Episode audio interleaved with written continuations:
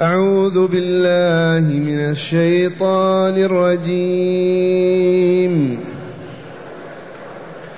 وحرمنا عليه المراضع من قبل فقالت هل أدلكم فقالت هل أدلكم على أهل بيت يكفلون؟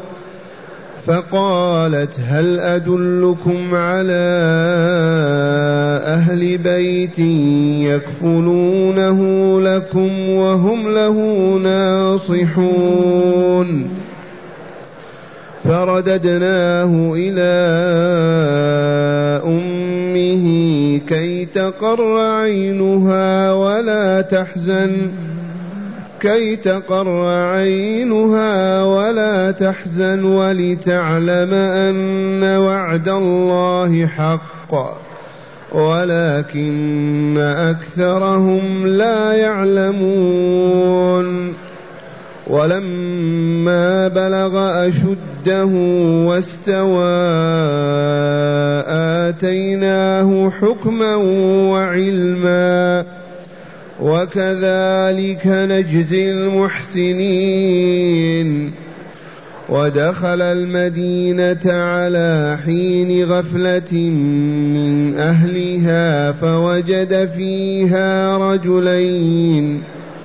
فوجد فيها رجلين يقتتلان. هذا من شيعته وهذا من عدوه. فاستغاثه الذي من شيعته على الذي من عدوه فوكزه موسى فوكزه موسى فقضى عليه. قال هذا من عمل الشيطان. إنه عدو مضل مبين. قال رب إني ظلمت نفسي فاغفر لي فغفر له. إنه هو الغفور الرحيم. أحسنت. معاشر المستمعين والمستمعات من المؤمنين والمؤمنات. ما زال القصص هو قصص موسى عليه السلام مع فرعون والذي قصه الله جل جلاله وعظم سلطانه والذي قص عليه وخاتم الأنبياء وإمام المرسلين محمد صلى الله عليه وسلم. قال تعالى وحرمنا عليه المراضع من قبل. أي منعنا موسى عليه السلام وهو رضيع كما ولد منعه من أن يرضع أية امرأة قدمت له وقدمت ثديها له. تدبير الله عز وجل. فليس التحريم هنا بمعنى الحرمة ولكنه بمعنى المنع. منعنا عليه المراضع. والمراضع جمع مرضع. ولا يقال مرضعة بالتاء لأنه لا يوجد رجل ذكر يرضع حتى نفرق بين الذكر والأنثى. فلهذا موضع وتجمع على مراضع وحرمنا عليه المراضع من قبل من متى؟ من يوم أن أخرج من صندوق التابوت من داخل القصر أو الحديقة وقدمت له موضع رفض من من ثم. ما قبل أن يرضع امرأة أبدا حتى نقل إلى أمه. إذا فقالت فقالت فقالت أي أخته مريم بنت عمران عليها السلام لأنها كانت تتتبع آثار موسى حتى عرفت أنه وجد في قصر وأنه طلب له المراضع وما رفض وأبى فقالت إذا أنا هل أدلكم على أهل بيت يكفلونه لكم وهم له ناصحون؟ ومعنى يكفلونه يتولون تربيته في, في بيتهم. وقوله وهم له ناصحون هذا سبب لها استنطاق واستجواب. إذا هذا تعرفينه أنت وتعرفين أمه. قالت لا ما أنا ناصحة له أنا ناصحة للملك. أنا ناصحة لملك البلاد هو الذي أنصح له. أما أمه لا أعرف ولا أنصح لها ولم أقصدها أبدا ولكن أقصد الملك. فعفوا عنها. وإلا استنطقوها وأرادوا أن يفهموا كيف عرفت أنها تنصح له لولا أنه أمه لولا أنها أمه.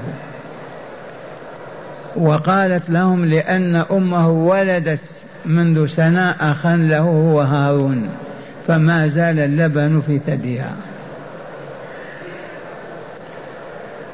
هكذا يخبر تعالى وقوله الحق وحرمنا عليه المراضع من قبل فقالت هل أدلكم على أهل بيت يكفلونه لكم وهم له ناصحون؟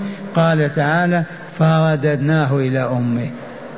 رجعنا به إلى أمه إذ كان في قصر فرعون. فلكن الله رده إلى أمه تنجيزا وإنجازا لوعده. أما قال لها إنا رادوه إليك وجاعله من المرسلين. أخبر بهذا. اجعليه في تابوت وألقيه في اليم واعلمي أن رادوه إليك وجاعله من المرسلين. ما هو يرد بس ويكون من الأنبياء والمرسلين. فرددناه إلى أمه كي تقر عينه أي من أجل أن تفرح وينثلج جسدها بالفرح وتسيل دموع الفرح من عينها. تقر عينها كي تقر عينها ولا تحزن. هذا أولا ولتعلم أن وعد الله حق. وعدها الله بوعد وإلا لا؟ ما هذا الوعد الذي وعدها؟ أن يرد لها ولدها بعدما تلقيه في اليم وتتخطفه الأيدي يرجع إليها. ولتعلم أن وعد الله حق. فهيا نحن نعلم أن وعد الله حق. ما نستطيع. ما قدرنا وعد الله الذين آمنوا منكم وعملوا الصالحات ليستخلفنهم في الأرض كما استخلف الذين من قبلهم. لو آمن العرب والمسلمون اليوم بهذه الآية لأعلنوا عن بيعة إمامهم ووحدوا كلمتهم ودولتهم ودينارهم ودرهمهم وطبقوا شرع الله في بيوتهم وبلادهم ولا فازوا وملكوا الدنيا بكاملها. لكن ما آمنوا بوعد الله وعد الله الذين آمنوا منكم وقد أنجز هذا الوعد لرسول الله وأصحابه في ظرف ثلاثين سنة ساد الإسلام البلاد في الشرق والغرب. ولكن ولتعلم أن وعد الله حق. والله لوعد الله حق. ما وعدنا الله شيئا إلا حققه لنا ولكن أكثرهم لا يعلمون. اليوم وقبل اليوم. أكثرهم لا يعلمون. لا فرعون ولا أهل ولا رجاله ولا ولا.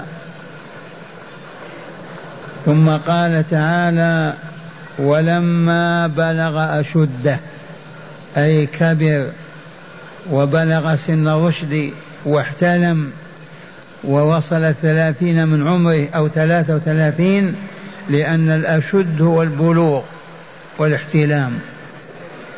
والسن التي يقال فيها بلغ شده الثلاثين إلى ثلاثة وثلاثين سنة. إذا بلغ الأربعين يقال استوى. كمل كمل كمل نما نما بلغ الأربعين ما يزيد ينمو. انتهى. بلغ أشده واستوى. من هذا الذي بلغ أشده واستوى؟ موسى الذي يعيش في قصر فرعون. ولما بلغ أشده واستوى آتيناه حكما وعلما. وهبناه أعطيناه حكما والحكم هنا وضع الشيء في موضع من الحكمة. أصبح حكيما يقول ويفعل بالحكمة.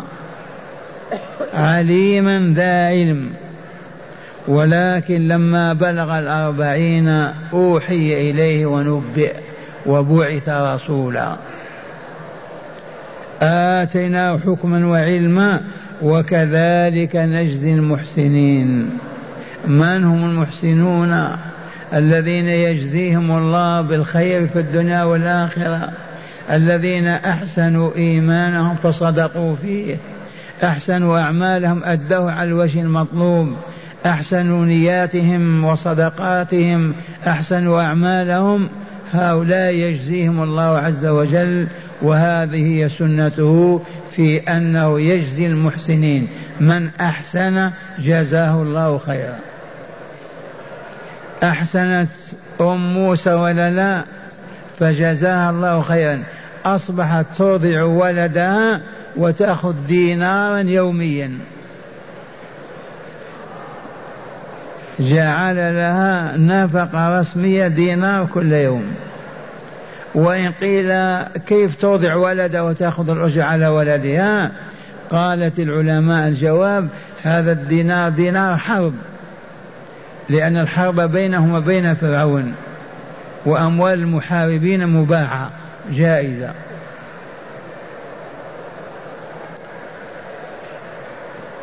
معاشر المستمعين هيا بنا نحسن.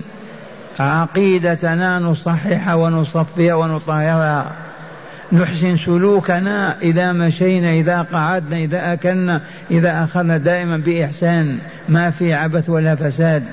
نحسن عبادتنا نؤدي على الوجه المطلوب لأن الله عز وجل وعز وجل وعد المحسنين بالخير فنظفر به. هكذا يجزي المحسنين وكذلك نجزي المحسنين. ثم قال تعالى ودخل المدينة على حين غفلة من أهلها. من الذي دخل المدينة؟ هذا موسى عليه السلام. أين كان حتى دخل المدينة؟ الله أعلم. بعض الروايات تقول خرج فرعون في مع رجاله وأباته وموسى تخلف. بعد لحق بعد ذلك ودخل المدينة بعدما دخل فرعون. ولكن وسط النهار حيث اشتدت الحرارة وقطع الناس العمل ولزموا بيوتهم. وجائز أن يكون ما هو ملازم لقصر فرعون بعدما علم وعرف وأصبح يعبد الله عز وجل وتعلم من بني إسرائيل الإسلام فأصبح يعبد الله من صباه حتى بلغ أشده وأوحى الله إليه. فجائز أن يكون ترك فرعون انفصل عنه. ولا حرج. الشاهد عندنا دخل المدينة. هذه المدينة هي التي ينزل بها فرعون. وذكروا اسمها واسمها منف كذا. منف أو منفيس ولا قيمة لاسمها المدينة. التي يعمرها النساء والرجال. ودخل المدينة على حين غفلة من أهلها. غفلة أهلها ماذا؟ إما بعد المغرب والظلام خيم ما بقي واحد يذكر واحد ولا يعرفه. وإما في شدة القيلولة وحرارة الشمس دخل الناس إلى منازلهم وانقطع العمل. واحدة من اثنين. هذا وقت الغفلة. ودخل المدينة على حين غفلة من أهلها أي أهل المدينة فوجد فيها رجلين يقتتلان. وجد رجلين يضرب بعضهما بعض يتضاربان كما تشاهدون بعضكم بعض يتقاتلان.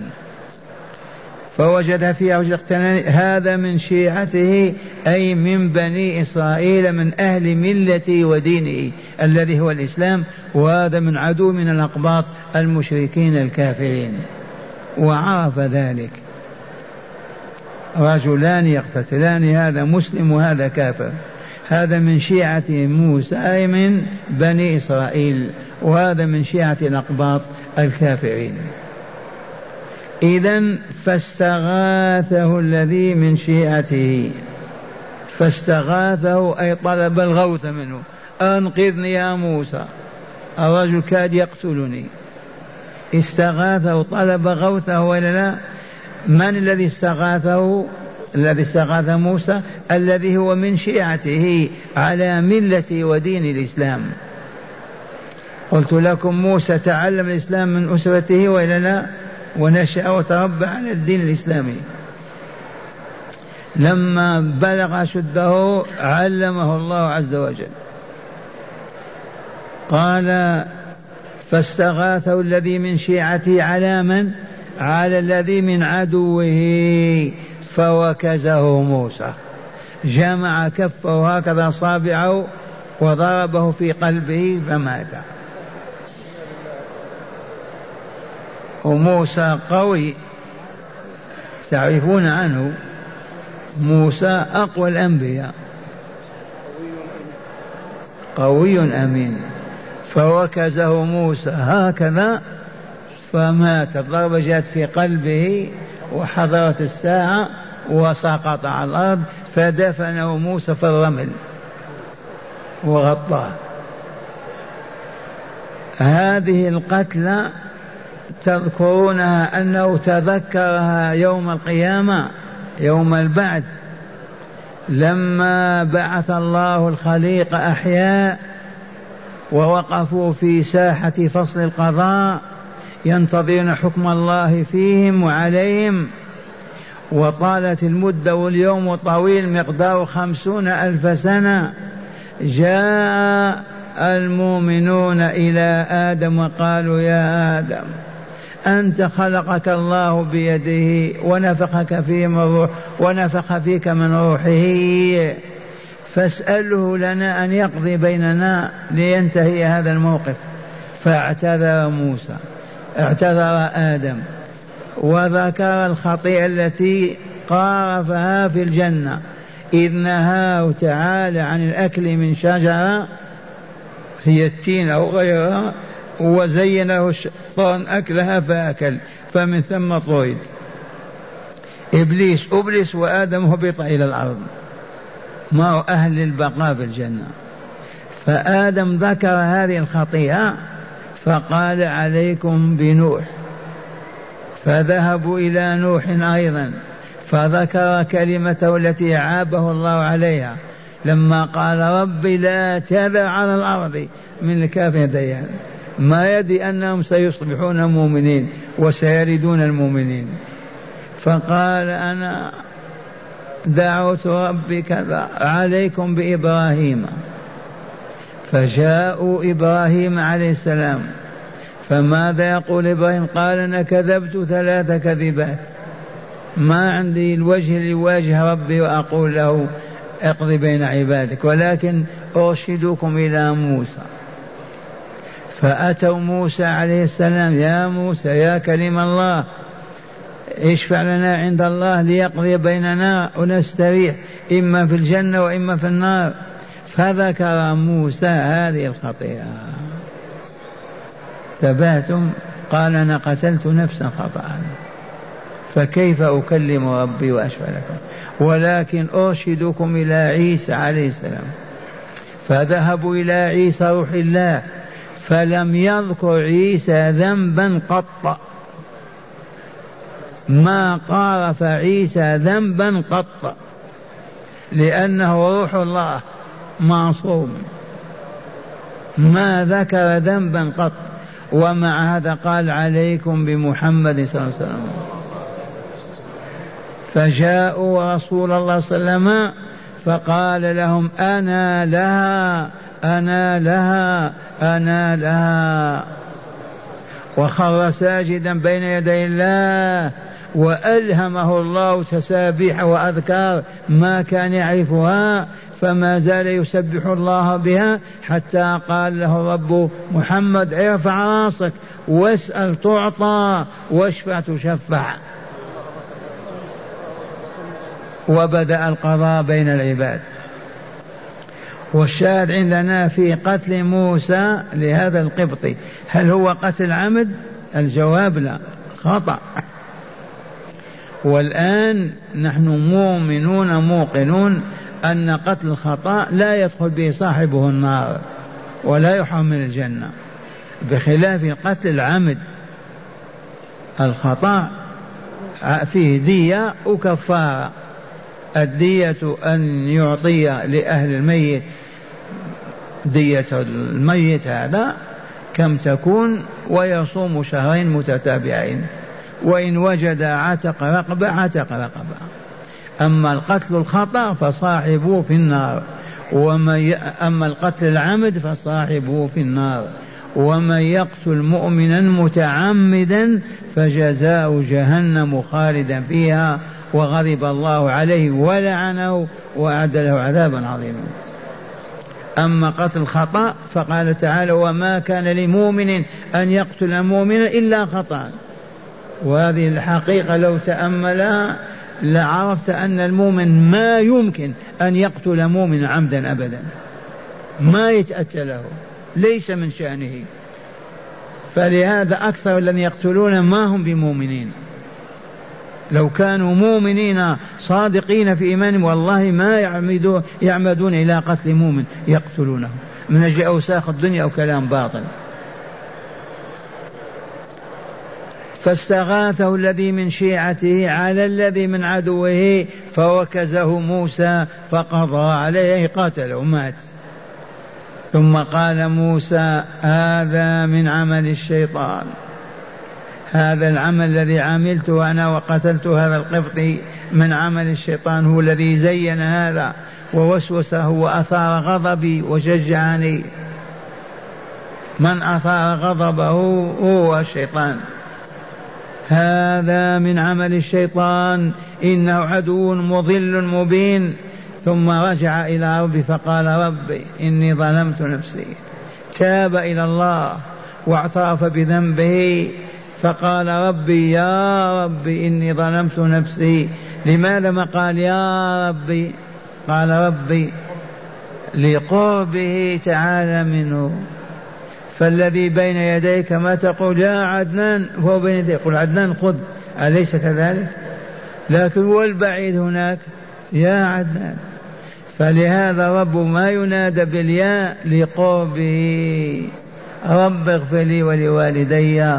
ربنا اغفر لنا وارحمنا ولو قلت يا ربنا لا بأس ولكن الاعتراف بالقرب أولى. والله جل جلاله اسمه الله ما ينادى يا الله بل اللهم. حذفت ال من الأول وعوذت الميم فتقول اللهم ومعناها يا الله.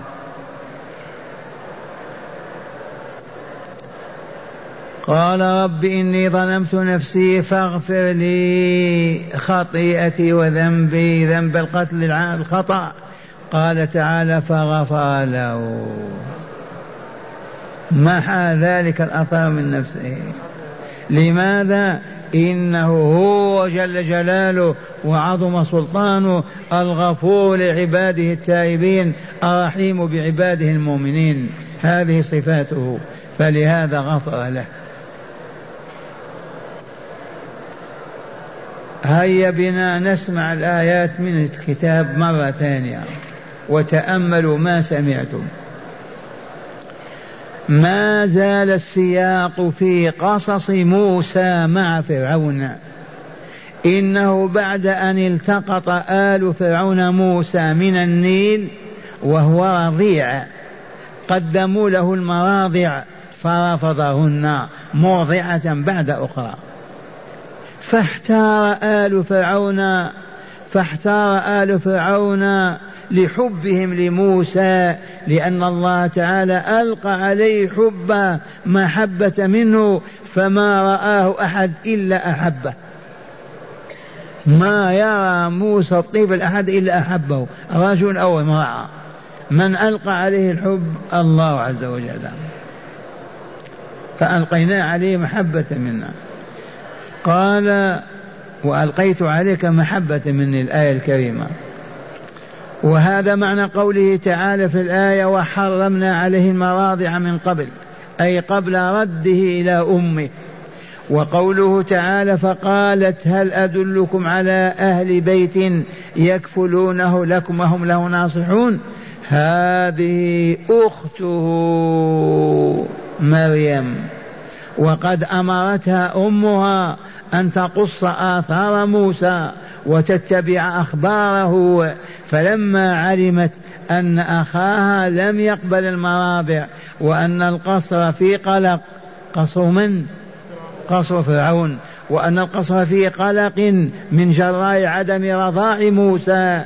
تقدمت وقالت ما أخبرت الله تعالى به عنها في قوله فقالت هل أدلكم على أهل بيت يكفلونه لكم ويرضعونه ويحفظونه حتى تنتهي مدة رضاعه وهم له ناصحون وهنا ارتابوا في أمرها واستنطقوها واتهموها بأنها تعرفه. فقالت لا أعرفه إنما عنيت إنما عنيت وهم له ناصحون أن أهل هذا البيت ناصحون للملك. أهل البيت الذين يرضعون الولد ناصحون للملك وهنا استجابوا لها فأتت به أمها فما إن رآها حتى رمى نفسه عليها وأخذ ثديها يمتصه. فقالوا لها ما سر ما سر قبوله هذه المرأة فأجابت بأنها طيبة الريح طيبة اللبن. ما سبب إقبالي على هذه المرأة يا هذه البنت؟ فقالت لما؟ بأنها طيبة الريح طيبة اللبن. فأذن ف فأدنوا لها فأدنوا لها. فأذنوا لها في إرضاعه في بيتها يبقى عندها. فعادت به وهو معنى قوله تعالى فرددناه إلى أمه كي تقر عينها أي تفرح وتصر ولا تحزن على فراقه. ولتعلم أن وعد الله حق إذ وعدها بأنه راده إليها. وقوله تعالى ولكن أكثرهم لا يعلمون ولكن أي ولكن أكثر الناس لا يعلمون أنها أمه ولا أن الله وعدها بأن بأن يرده إليها.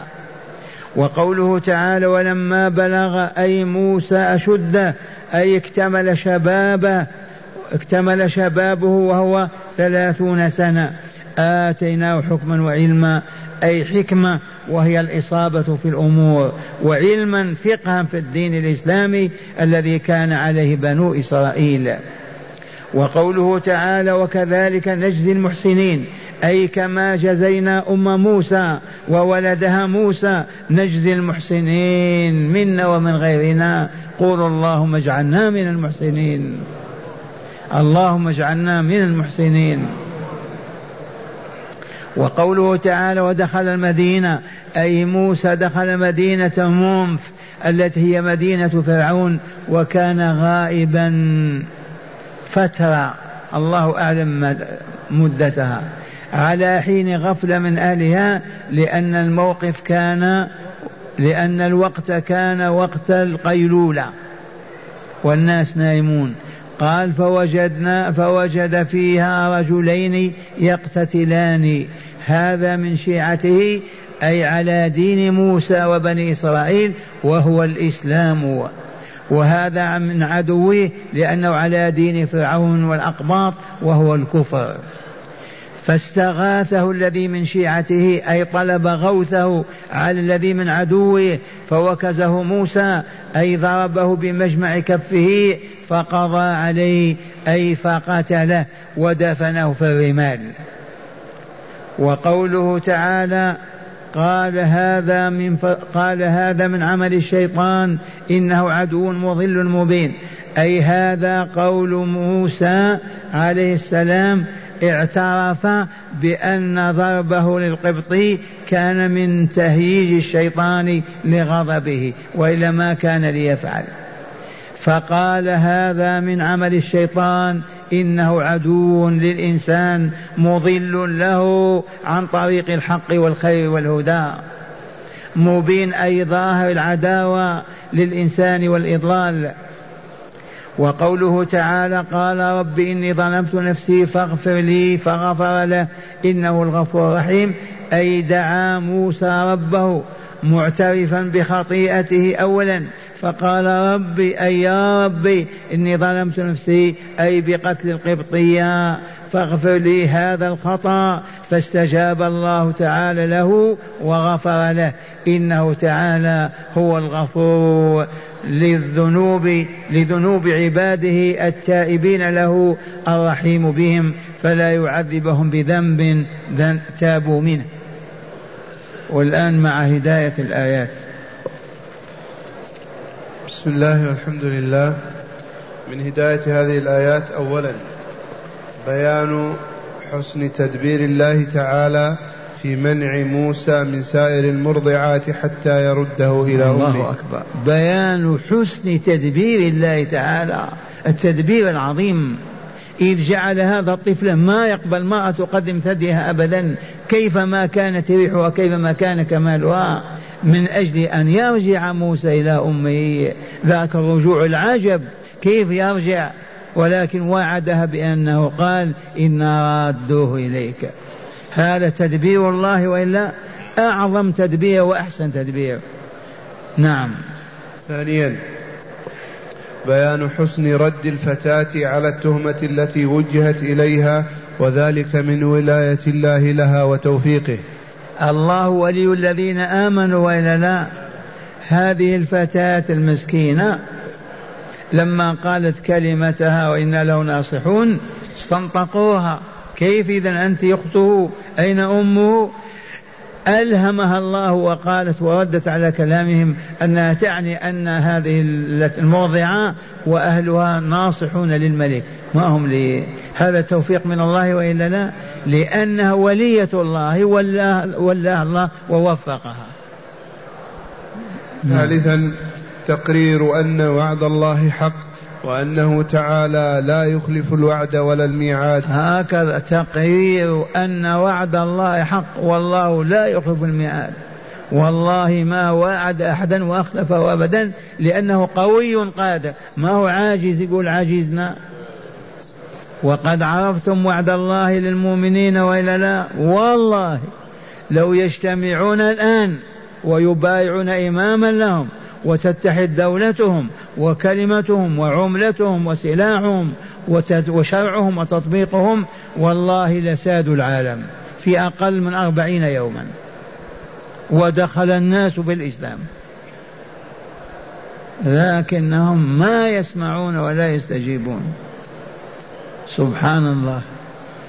اليوم رأيت هذه الرؤية في المنام. رأيتني بين جمع عظيم وأنا واضع سماعتين بين يدي أتكلم بهما وأنا أدعو الله أدعو الله أدعو الله حتى تعبت. ثم قلت هل سمعوني أو ما سمعوني؟ فهذه تحققت الآن. سبحان الله العظيم.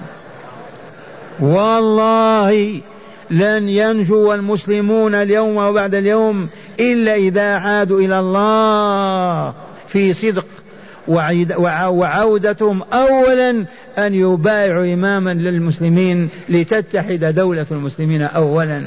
ثانيا أن يطبقوا شرع الله في ديارهم. ثالثا أن يوحدوا جيوشهم أن يوحدوا عملتهم وأن يكونوا أمة واحدة. ما إن تتجلى أنوارها حتى يدخل الدول في الإسلام. وترتعد فرائصهم. ما يريدون هذا يا ويلنا والمستقبل مظلم. ننقاد إليه. هاتي جزاكم الله خيرا. قال الشيخ في النهر عند قوله تعالى وكذلك نجزي المحسنين جزاها على استسلامها لأمر ربها وصبرها على فراق ولدها إذ ألقته في اليم وعلى تصديقها بوعد ربها ومما جزاها به رده, رده ولدها إليها مصحوبا بالتحف والطرف وهي آمنة بالتحف والطرف. نعم. وهي آمنة ووهب لها الحكمة ووهب ولدها الحكمة والعلم والنبوة. الله أكبر. هذا جزاء المحسنين. نعم. رابعا بيان إنعام الله على موسى بالحكمة والعلم قبل النبوة والرسالة. بيان إنعام الله على موسى قبل النبوة بالعلم والفقه والمعرفة والحكم والحكمة. خامسا مشروعية إغاثة الملهوف ونصرة المظلوم. آه مشروعية إغاثة الملهوف ونصرة المظلوم. وهذه النصرة عند العالم الإنساني من قديم الزمان معروفة عندهم. المظلوم ينبغي أن ينصر. المظلوم بالفطرة يجب أن ننصره. موسى نصر المظلوم ولا لا؟ استغاثة جواز الاستغاثة وجواز النصرة. نعم. أخيرا وجوب التوبة بعد الوقوع في الزلل وأول التوبة الاعتراف بالذنب. وجوب التوبة على من غارف ذنبا. وقبل أن يتوب يجب أن يندم ويستغفر الله عز وجل. وقد بينا غير ما مر التوبة أركانها. أولا الندم ثانيا الاستغفار. ثالثا ترك الذنب والبعد عنه. رابعا عدم العودة ووجود الألم الدائم في النفس والحسرة.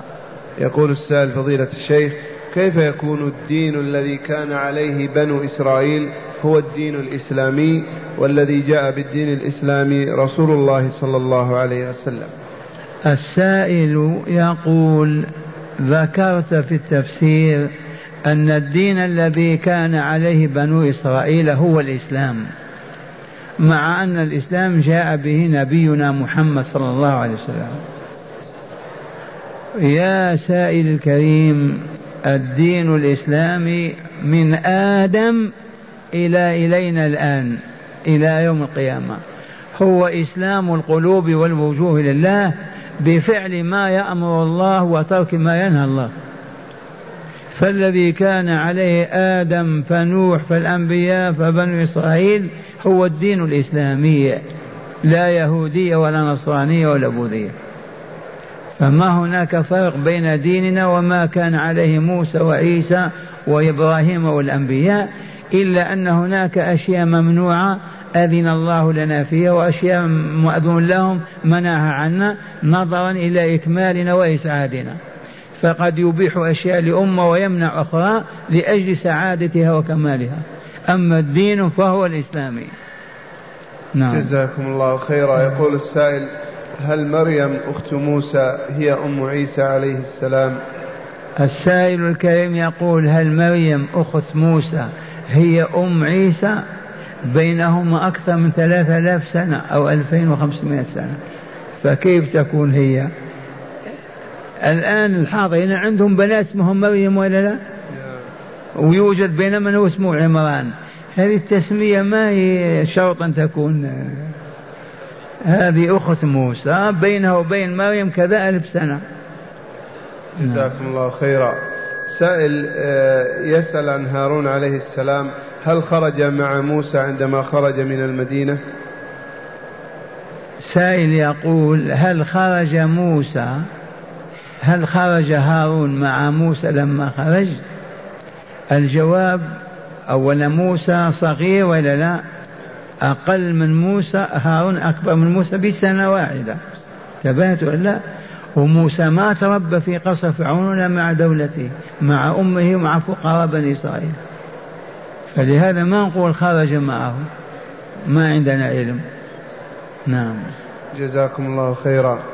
يقول السائل هل يجوز ختم القرآن في ثلاثة أيام؟ وقول صدق الله العظيم بعد انتهاء انتهاء من تلاوة القرآن. هل يجوز ختم القرآن في ثلاثة أيام. هل يجوز ختم القرآن في ثلاثة أيام؟ ختم القرآن في ثلاثة أيام هذا هو المحبوب المرغب فيه هذا الأكمل. أقل من ثلاثة أيام يومين ويوم كره بعض أهل العلم. انتبهتم؟ لكن ليس كراهة كراهة محرمة. الأفضل أن يكون في ثلاثة أيام. ما استطعت الأيام يكون في أسبوع. وهكذا ما استطاع في أسبوع يكون في أسبوعين. ما هناك حد محدد وإنما نقول قراءة القرآن في أيام أفضل. هذا الذي جاء الترغيب فيه. أقل من ثلاثة أيام كان بعض الصالحين يختم القرآن كل ليلة في رمضان. لكن ما فعل محرما أو مكروها. ترك فقط ما فيه تأمل وتفكر وتدبر. ومن استطاع أن يختم القرآن في ثلاثة هذا أفضل؟ نعم.